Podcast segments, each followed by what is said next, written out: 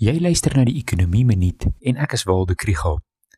Die nuus dat president Trump die koronavirus onderlede het en gehospitaliseer is, het 'n wye impak.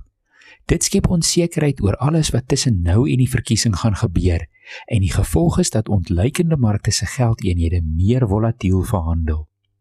Selfs wanneer die FSA die oorsaak van onsekerheid is, vlug beleggers na veilige bates met dollarwaardes. Die rand-dollar wisselkoers het die afgelope jaar al gebokspring tussen R14 per dollar in Januarie en R19.35 in April. 'n Teken van bekommernis in die mark is dat meer fondsbestuurders opsies koop wat hulle verskans teen 'n moontlike verswakking van die rand. Die termyn van hierdie opsies sluit ook minister Tito Mboweni se mini-begroting aan die einde van die maand in.